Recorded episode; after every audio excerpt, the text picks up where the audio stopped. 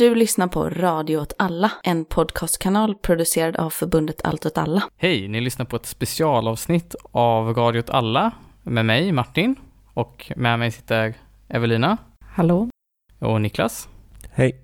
Vi sitter ju här för att vi har gjort en undersökning och har skrivit klart en rapport som handlar om hur coronapandemin har påverkat arbetslivet. Och det vi har gjort kan man väl säga är, vi har gjort en militant undersökning, kallar vi det. Mm. Och jag undrar lite så här, vad, vad är en militant undersökning för någonting? Det är väl typ en sorts metod som utvecklades av, ja men eh, i efterkrigstidens Italien. Det, det utvecklades för att undersöka rörelserna i klassen och att se hur arbetarna verkligen hade det och vad, vad de tyckte och hur de, eh, vad de var intresserade av liksom. Så det var ett sätt att eh, ta fram nya, eh, eller hitta nya liksom, arenor för kamp och att utveckla kampmetoder.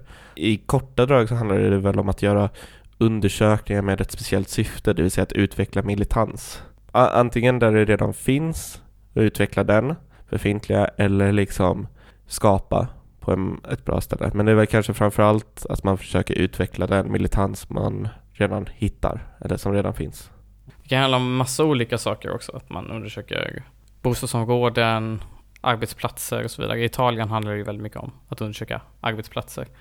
Då var det att de här, det var typ radikala forskare som stod utanför de här jättestora bilfabrikerna. De hängde där ganska mycket och gjorde undersökningar. Men eh, den användes ju också av de här eh, autonoma feministerna på 70-talet med Silvia Federici för att utveckla Wages for Housework-kampanjen. Man ville liksom se vad man kunde använda för feministiska arena. Men typ hur man kunde driva radikala feministiska frågor som också hade relevans för, liksom den, eh, för arbetarklassen. Vad är den politiska poängen med att göra en sån här militant undersökning? När coronapandemin satte igång, vi ser alla de här sakerna som händer i samhället. Varför tycker vi att det är viktigt då att undersöka människors arbetsvillkor under den här perioden? Man, man kunde ju se överallt att folks arbetsvillkor, eller folks arbete förändrades. Det var någonting som hördes. Det, det var någonting man kände på sig. Och eh, den här undersökningen är att liksom fånga det ögonblicket, få ner det på papper, se hur det verkligen var. Vad det var för förändringar som hände och vilka möjligheter eh, som kunde öppnas ifrån de förändringar. Ja, men man kan väl också säga att så här, alltså när corona kom så liksom, eh, så kom, eller när det kom till Europa så var det lite som en explosion typ. Och det kom en massa, folk hade en massa åsikter och en massa tankar om vad som skulle hända. Och då liksom, det var väl lite så att vi typ ställde upp två mot, hypoteser mot varandra. Den ena som var den lite mer eh, vad, eh, positiva. Som var att så här, ja men nu när vi måste så här eh, hjälpas åt och ta hand om varandra så kommer vi egentligen kunna bryta mot den här individualismen liksom och samhället kommer förändras i grunden. Och sen mot den så är den kanske lite mer pessimistiska som är att kapitalister slösar aldrig bort en eh, bra kris liksom eller staten eller whatever. Så det var väl också lite att vi pratade om att vi ville kolla vilket som stämde mest typ. Eller vi, om båda stämde och så. Och alltså som vanligt, om det är stora eh, samhällsförändringar så syns de ofta väldigt tydligt i arbetet eh, och arbetets utformning. Men det är sällan som folk som liksom eh, mainstream media eller så tittar på det. Det handlar ju också om att när vi befinner oss i krisen, då har vi ett speciellt tillfälle att undersöka exakt vad det är för typ av förändringar som sker på arbetsmarknaden. Som vi också då använder för att försöka förstå hur arbetet förändras generellt sett och människors arbetsvillkor förändras. Och därigenom på något sätt finns det också någon poäng i att försöka hitta då Genom att lyssna på människors egna vardagliga subjektiva berättelser om hur deras arbetsvillkor ser ut så kan vi skapa en större bild av människors arbetsvillkor och därmed också större bild av vilka möjligheter det finns för kamp eller eh, motstånd eller vad man vill kalla det. Det handlar ju också om att man helt, alltså om våra liv och hur våra liv kommer utvecklas. Den tendens jag tänker man brukar se i kriser och så är ju att alltså de befintliga eh, tendenserna accelererar. Inte att det bara uppstår helt nya saker. Alltså det, det är ett tillfälle då de tendenser som finns i samhället kommer upp till ytan och blir lättare att se liksom. Vi gjorde en enkät, en webbenkät man kunde svara på som vi distribuerade på lite olika sätt. Och sen eh, så gjorde vi också intervjuer för att komma med, få lite mer eh, djupgående svar på några av frågorna som dykt upp. Undersökningen är ju väldigt bred och syftar att ta ett stort grepp på hela samhället. Frågorna är ställda på ett sätt att fånga upp så många som möjligt ska kunna svara på de här frågorna. Och det har gjort att vi, ja, nu går jag händelserna i förväg här, men det har gjort att vi har fått eh, kunnat få ett resultat som eh, innefattar både de som fortsätter jobba, de som är lite permitterade och folk som jobbar hemma. En sak vi har sett i vår undersökning är att människor fått större arbetsbörda. Runt 46 procent cirka, nästan hälften, berättar att de har fått, fått fler arbetsuppgifter under pandemin. Vad tänker vi om det? En väldigt vanlig grej är ju att nu under pandemin så ska man inte vara så många. Men man försöker begränsa antalet människor ehm, eh, i typ en butik och som är nära varandra. Vilket leder till att speciellt butiksanställda drar ner på väldigt starkt. Det finns folk som har skrivit om att när de brukar vara tre så är de numera en eh, ute på golvet liksom.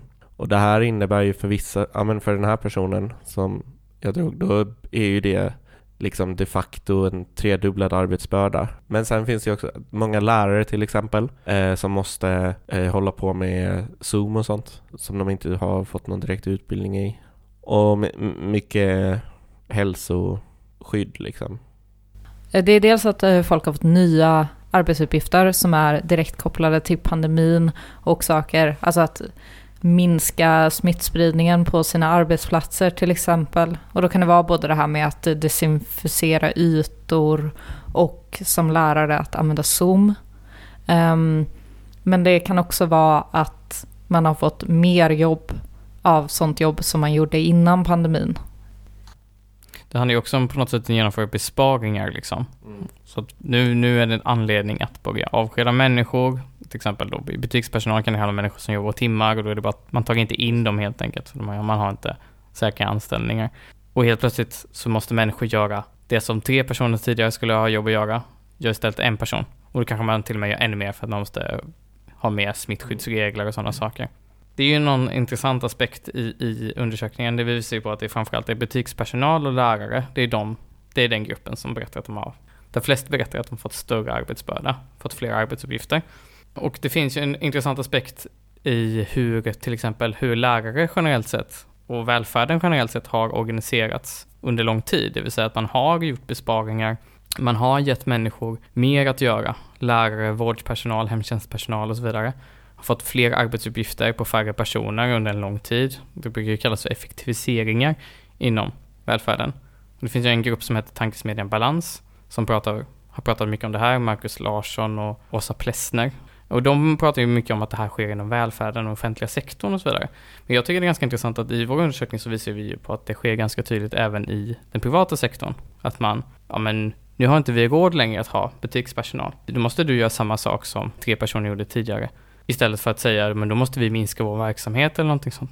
Men det är väl lite samma grej som det här med det du precis pratade om, hur det går över privat och offentlig sektor. Det här med att man eh, skär ner istället för att minska verksamheten. Och även permitteringar kan ju vara lite på samma sätt. Att folk eh, kanske inte får mindre arbetsbörda men de är permitterade deltid till exempel men har ungefär samma just den grejen är ju någonting som nämns i, i vår undersökning. Folk som berättar om att folk permitteras, stor del av arbetsstyrkan minskas, men samtidigt så är omsättningen densamma eller till och med ökar i vissa fall, har vi ju fått flera berättelser om. Alltså vad är det som händer här egentligen? Alltså till viss del så är det väl helt enkelt att arbetsgivaren fuskar. Man jobbar, man eh, stämplar ut tidigt så att eh, för staten så ser det ut som att man bara jobbar 60% kanske, så får arbetsgivaren gratis arbetskraft helt enkelt. Men eh, alltså det är väl ganska mycket, till exempel i tillverkningsindustri, då är det att de ganska mycket kan dra ner på arbetsstyrkan och så kan de ju höja produktiviteten för vad ska man göra? Man kan ju inte, man kan inte bara låta maten trilla ner på golvet liksom. Man måste ju höja takten då. det här är väl återigen ett sådant exempel då arbetsgivaren bara använder corona som en förevändning för att höja arbe- alltså produktiviteten. Man säger kanske, till, kanske så här, ja ah, men vadå, vi ska inte vara så många. Så då borde man kanske snarare sänka takten, inte höja den. Men så har ju fallet inte varit. Jo, alltså man kan ju, man kan ju verkligen säga något om de här eh, stöden som har kommit till, eh, till arbetsgivarsidan. Att, eh, med, med tanke på de rapporter som kom nu när folk har börjat redovisa sina årsresultat så kan man ju se att det har gått väldigt bra för företagen. Och de här stöden verkar ju inte ha tricklat down till de som jobbar. Det är någonting vi kan se i vår undersökning, att folk har bara fått det sämre. Mm. Permitteringsstöd används för att öka alltså, arbetsbördan på anställda. Man minskar arbetskraften och då, då måste färre personer göra mer. Ja, eller att man ska göra, man får mindre tid att uh, utföra de uppgifter man ska göra. Man kanske har samma mängd uppgifter men mindre tid mm. för att man uh, arbetar 80 procent. Mm. Alltså vår hypotes, eller det, det vi tänker i framtiden med, när det kommer till just de här frågorna, det är inte att man kommer vara så här, när corona är över så kommer inte arbetsgivaren vara så här, ja men vad bra, nu kan ni eh, ta det lugnt. Nu, eller så här, det vill säga gå tillbaka till hur det var förut. Um, utan de kommer ju vara så här, ah nej, men nu när du inte behöver, jag menar, eh, desinficera ytor hela tiden, då kan ju du, eh, eh jag vet inte, göra någonting i skärken eller någonting. Ja men precis, man kan väl se det här som att, vi pratade lite om att det här är liksom en testballong hos, mm. alltså hos många arbetsgivare, men de, de försöker pressa nu, hur långt kan vi pressa vår arbetsstyrka? Hur långt kan vi äh, pressa våra arbetare? Hur mer effektivare kan vi göra dem liksom? Effektivare genom, ja, äh, pressa, hur mycket hårt pressade kan de bli liksom? Mm. Så, så att även fast det kanske kommer in lite fler så kommer det nog inte motsvara den minskning av arbetsstyrka som vi nog sett. Det är svårt att föreställa sig tror jag ändå, efter det vi har hört eh, mm. hos människor. Mm. Ja, folk, eh, eh, folk bryr sig om pandemin. Folk bryr sig om varandra och eh, vill göra rätt och eh, ja, men se till att så få som möjligt blir sjuka. Eh, och det är ja, men att man tänker så utnyttjas stenhårt ifrån andra sidan. Mm. Eh, de som äger företagen tänker inte på det och liksom utnyttjar den osäkerheten för att pusha igenom sådana reformer som de har velat testa länge kanske. Mm. Ja, det känns ju som att de märker att de, folk tolkar saker lite mer välvilligt och då, um, som Evelina sa, bara pushar igenom så mycket de kan. För alltså den andra sidan av myntet är ju också att även om om de som äger företagen och så eh, bryr sig väldigt mycket om vissa delar av pandemin så är det vissa andra kanske mer uppenbara delar som de inte bryr sig så mycket om. Till exempel att tillhandahålla skyddsutrustning och eh, liksom typ vara schyssta med eh, sjukskrivningar. För även om, man, även om karensavdraget, om man kan få ersättning för det, så det spelar ingen roll för många timvikarier. För att om man jobbar på timmar och säger nej till ett pass eller sjukanmäler sig, då är det ganska många som lever i en verklighet där man inte får något mer jobb. Och det, det är ju någonting som folk säger också, att de upplever inte att de kan skydda sig själv eller andra. Många berättar det för oss.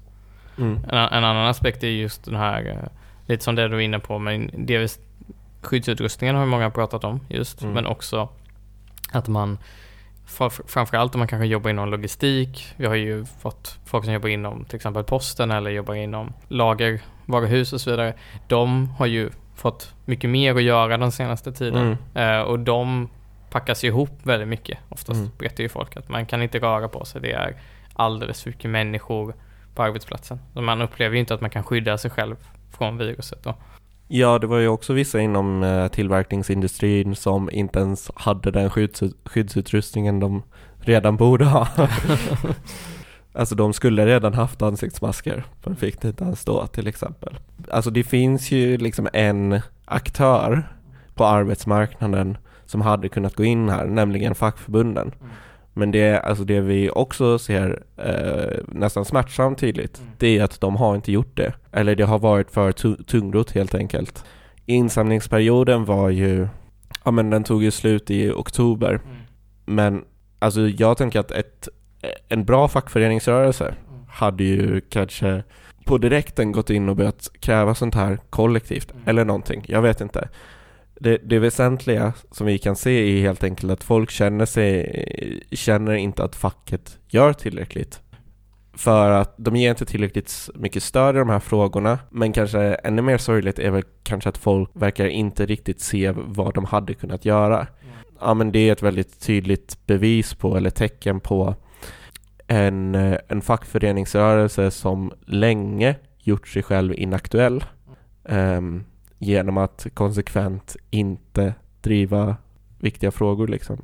I våra svar så berättar ju 57 procent att facket inte har gjort tillräckligt mycket för dem. Över hälften liksom. 14 procent berättar att de inte vet om det finns ett fackförbund på arbetsplatsen. Och det innebär att vi har en ganska, vi har en ganska stor majoritet av de, våra respondenter, de som har svarat, deltagarna i vår undersökning, som menar att facket inte gör tillräckligt. Och det visar väl lite på mm. också att vi lever i en situation där folk faktiskt inte känner särskilt mycket förtroende för sina fackförbund. Åtminstone inte i den här pandemin. Mm. Det är så ändå relativt många som säger att det inte finns något fackförbund på deras arbetsplats är ju nästan lite chockerande eftersom att den svenska modellen bygger i princip på att eh, det ska finnas ett fackförbund på alla arbetsplatser. Ja, det känns som de här eh, mm, åtgärderna som företagen har gjort att det har inte riktigt skett genom facket heller. Det här framkom i mm. intervjuerna. Att eh, det har varit mer av en... Eh, att order har kommit direkt ifrån arbetsgivare till arbetstagare. Det har gjort att eh, förhandlingen har liksom hamnat Ja, den, den har ju för det första försvunnit mm. och, och, eh, för det andra återigen hamnar individen i kläm och mm. Eh, blir liksom både den som ska rädda oss ifrån coronakrisen men också den som är mest utsatt. Mm. mm. Alltså vid årsskiftet i Pågatågen, alltså det skånska Västtrafik, då var det ju en fackligt förtroendevald som skulle bli avskedad och eh, det som hände då var ju att, alltså att man gick utanför de vanliga traditionella fackliga strukturerna. Mm. Man varnade om helt enkelt, om man tänkte gå ut i vild strejk om den här mm. personen inte fick behålla jobbet. Och det är en ganska intressant utveckling, man ska säga, som jag tänker kan vara lite förbådande för vad som kommer att hända i framtiden. Om människor inte känner förtroende för facket, att de gör tillräckligt. Men jag tänker att det också är typ äh, lite symptomatiskt för att eller det är också någonting jag vill lyfta fram att jag, alltså, jag tror inte det handlar om att skyddsombud är dåliga, utan att det handlar om apparaten. Mm. Alltså som inte ger folk på, alltså skyddsombuden som är liksom människor på golvet. Man ger inte dem stöd och man säger inte du kan göra det här, vi kan eh, ha ett skyddsstopp till exempel. Mm. Utan man, eh, man ska hela tiden liksom Eh, till en högre in instans mm. och så måste det godkännas. Och de förhalar processen helt ja. enkelt. Och det, är väl, det är väl en klassisk kritik av facken, hur mm. de facken fungerar från den radikala vänstern, är ju att de inte är tillräckligt basdemokratiska. Men här är ju också en kritik för att det förhindrar dem för, från att göra det Alltså det essentiella arbetet, det som skapar fackligt medlemskap och fackligt förtroende. Det är ju de här sakerna på golvet liksom.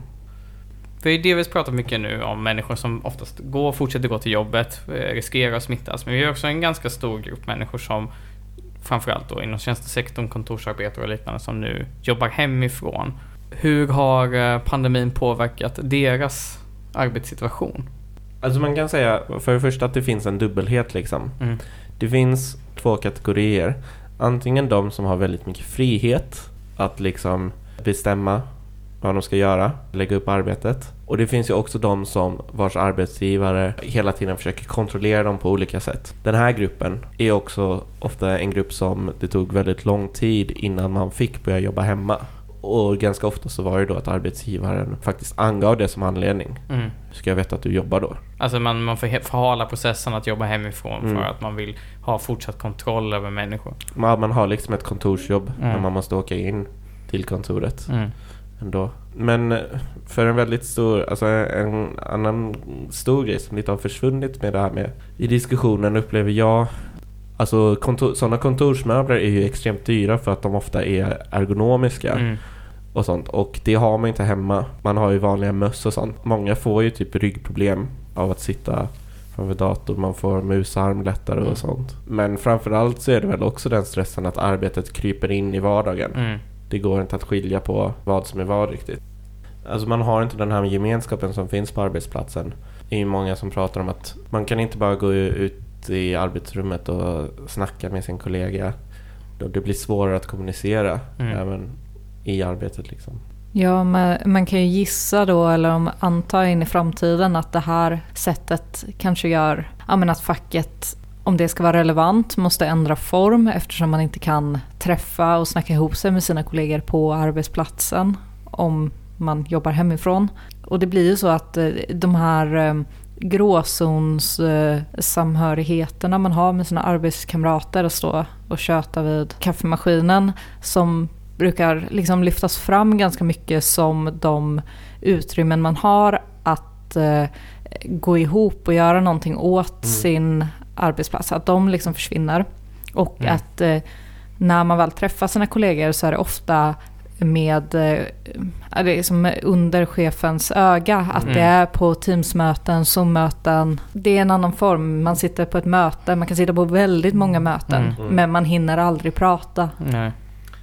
Och, men det här med hemarbete är ju också någonting en tendens man kan se att eh, många, många arbetsgivare varit eller vissa arbetsgivare, en, en viss sorts arbetsgivare kanske man ska säga, Mm. varit ganska intresserade av att vilja testa. Mm. Och det är väl framförallt i de arbeten där man planerar och eh, lägger upp arbetet själv ganska mycket. Mm. Eh, det vill säga att man övervakar sig själv. Eller alltså att övervakningen sker i prestationen. Mm. För att om man inte presterar så kanske man förlorar jobbet eller man eh, klättrar inte vidare i karriären. Ja, man går från liksom 300 kvadratmeters kontor till 50 kvadratmeters kontor. Ja, ofta i centrala stan. Ja. Liksom. Då har, då har man ju sparat en, en hel del. Liksom. Mm. Mm.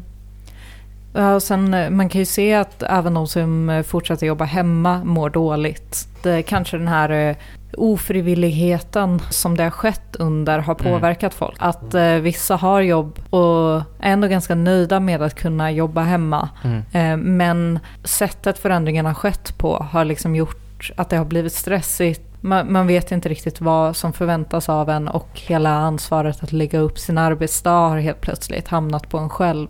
Mm. Ja, nu har vi pratat lite mycket om här, resultatet och vad det innebär och så vidare. Men jag undrar, vilka lärdomar har vi fått av att göra en sån här undersökning? Det jag tyckte att jag eh, först och främst tog med mig, som jag fick med mig från ganska tidigt, det var att ehm, folk är väldigt bra på att typ beskriva, alltså beskriva sina problem. Mm. Folk är till exempel väldigt bra att se det här med Oj, nu höjs arbetets intensitet typ. Mm. Så på det sättet har, även om det varit ett ganska stort arbete, Mm. så har det varit ganska enkelt för oss. Och att det snarare handlar om att vi har behövt liksom lägga ihop det här och titta på det på en mer meta eller mesonivå liksom. En sak som jag tyckte var riktigt eh, häftigt med att göra det här projektet var att eh, få vara i en kris Mm. och eh, följa utvecklingen. För eh, vi började i våras och eh, då var det liksom Corona var överallt. Mm. Eh, Men vi fortsatte med att hålla liksom, mm, vi höll igång hela sommaren där kanske samhället förändrades ganska mycket ifrån hur det var under våren. Och sen, när, sen slutade vi samla in svar och sen blev det den andra vågen nu i höstas där samma frågor som lyftes i våras kanske kom tillbaks fast på ett lite annat sätt. Ja men just att göra en militant undersökning i krisen Mm. Kanske kommer bli mer och mer intressant ju längre bort ifrån den här krisen vi rör oss. Mm.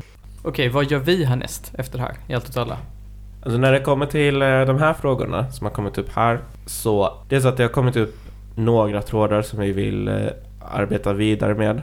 Men eh, kan inte säga mer än så just nu. Mm. Och vi får, för vi får se hur det blir med det helt enkelt. Men vi kommer inte bara släppa det. Och så kommer vi väl också helt enkelt fortsätta arbeta för bättre arbetsvillkor och försöka understödja människor i konflikter och arbetskonflikter och så vidare. Precis som tidigare. Ja men att eh, arbeta så som vi gör i Allt åt alla med många frågor eh, på många olika arenor känns ju helt rätt. För det här, det här med det nya arbetslivet går ju direkt in i frågor om hemmet till exempel. Så Mm. att, ju, att ha det helhetsperspektivet på, på vad det innebär att skapa en bättre värld tror jag är helt rätt enligt vad vi har sett i den här rapporten. Mm. Men det man kanske också kan säga, om man är intresserad av att göra någonting sånt här så är det ett ganska bra sätt att också knyta kontakter. Mm.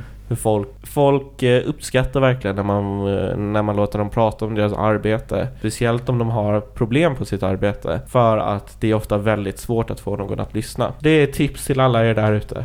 Och med de orden så tackar vi för oss. Om man vill eh, läsa vår rapport så borde den finnas tillgänglig på sociala medier. Ja, Vi har, vi har tryckt upp rapporten också. man kan beställa den från Mm. oss. Bara skriv till oss. Man skriver till oss på våra sociala medier eller mejlar oss på göteborg altatalla.se. Hej då! Hej då!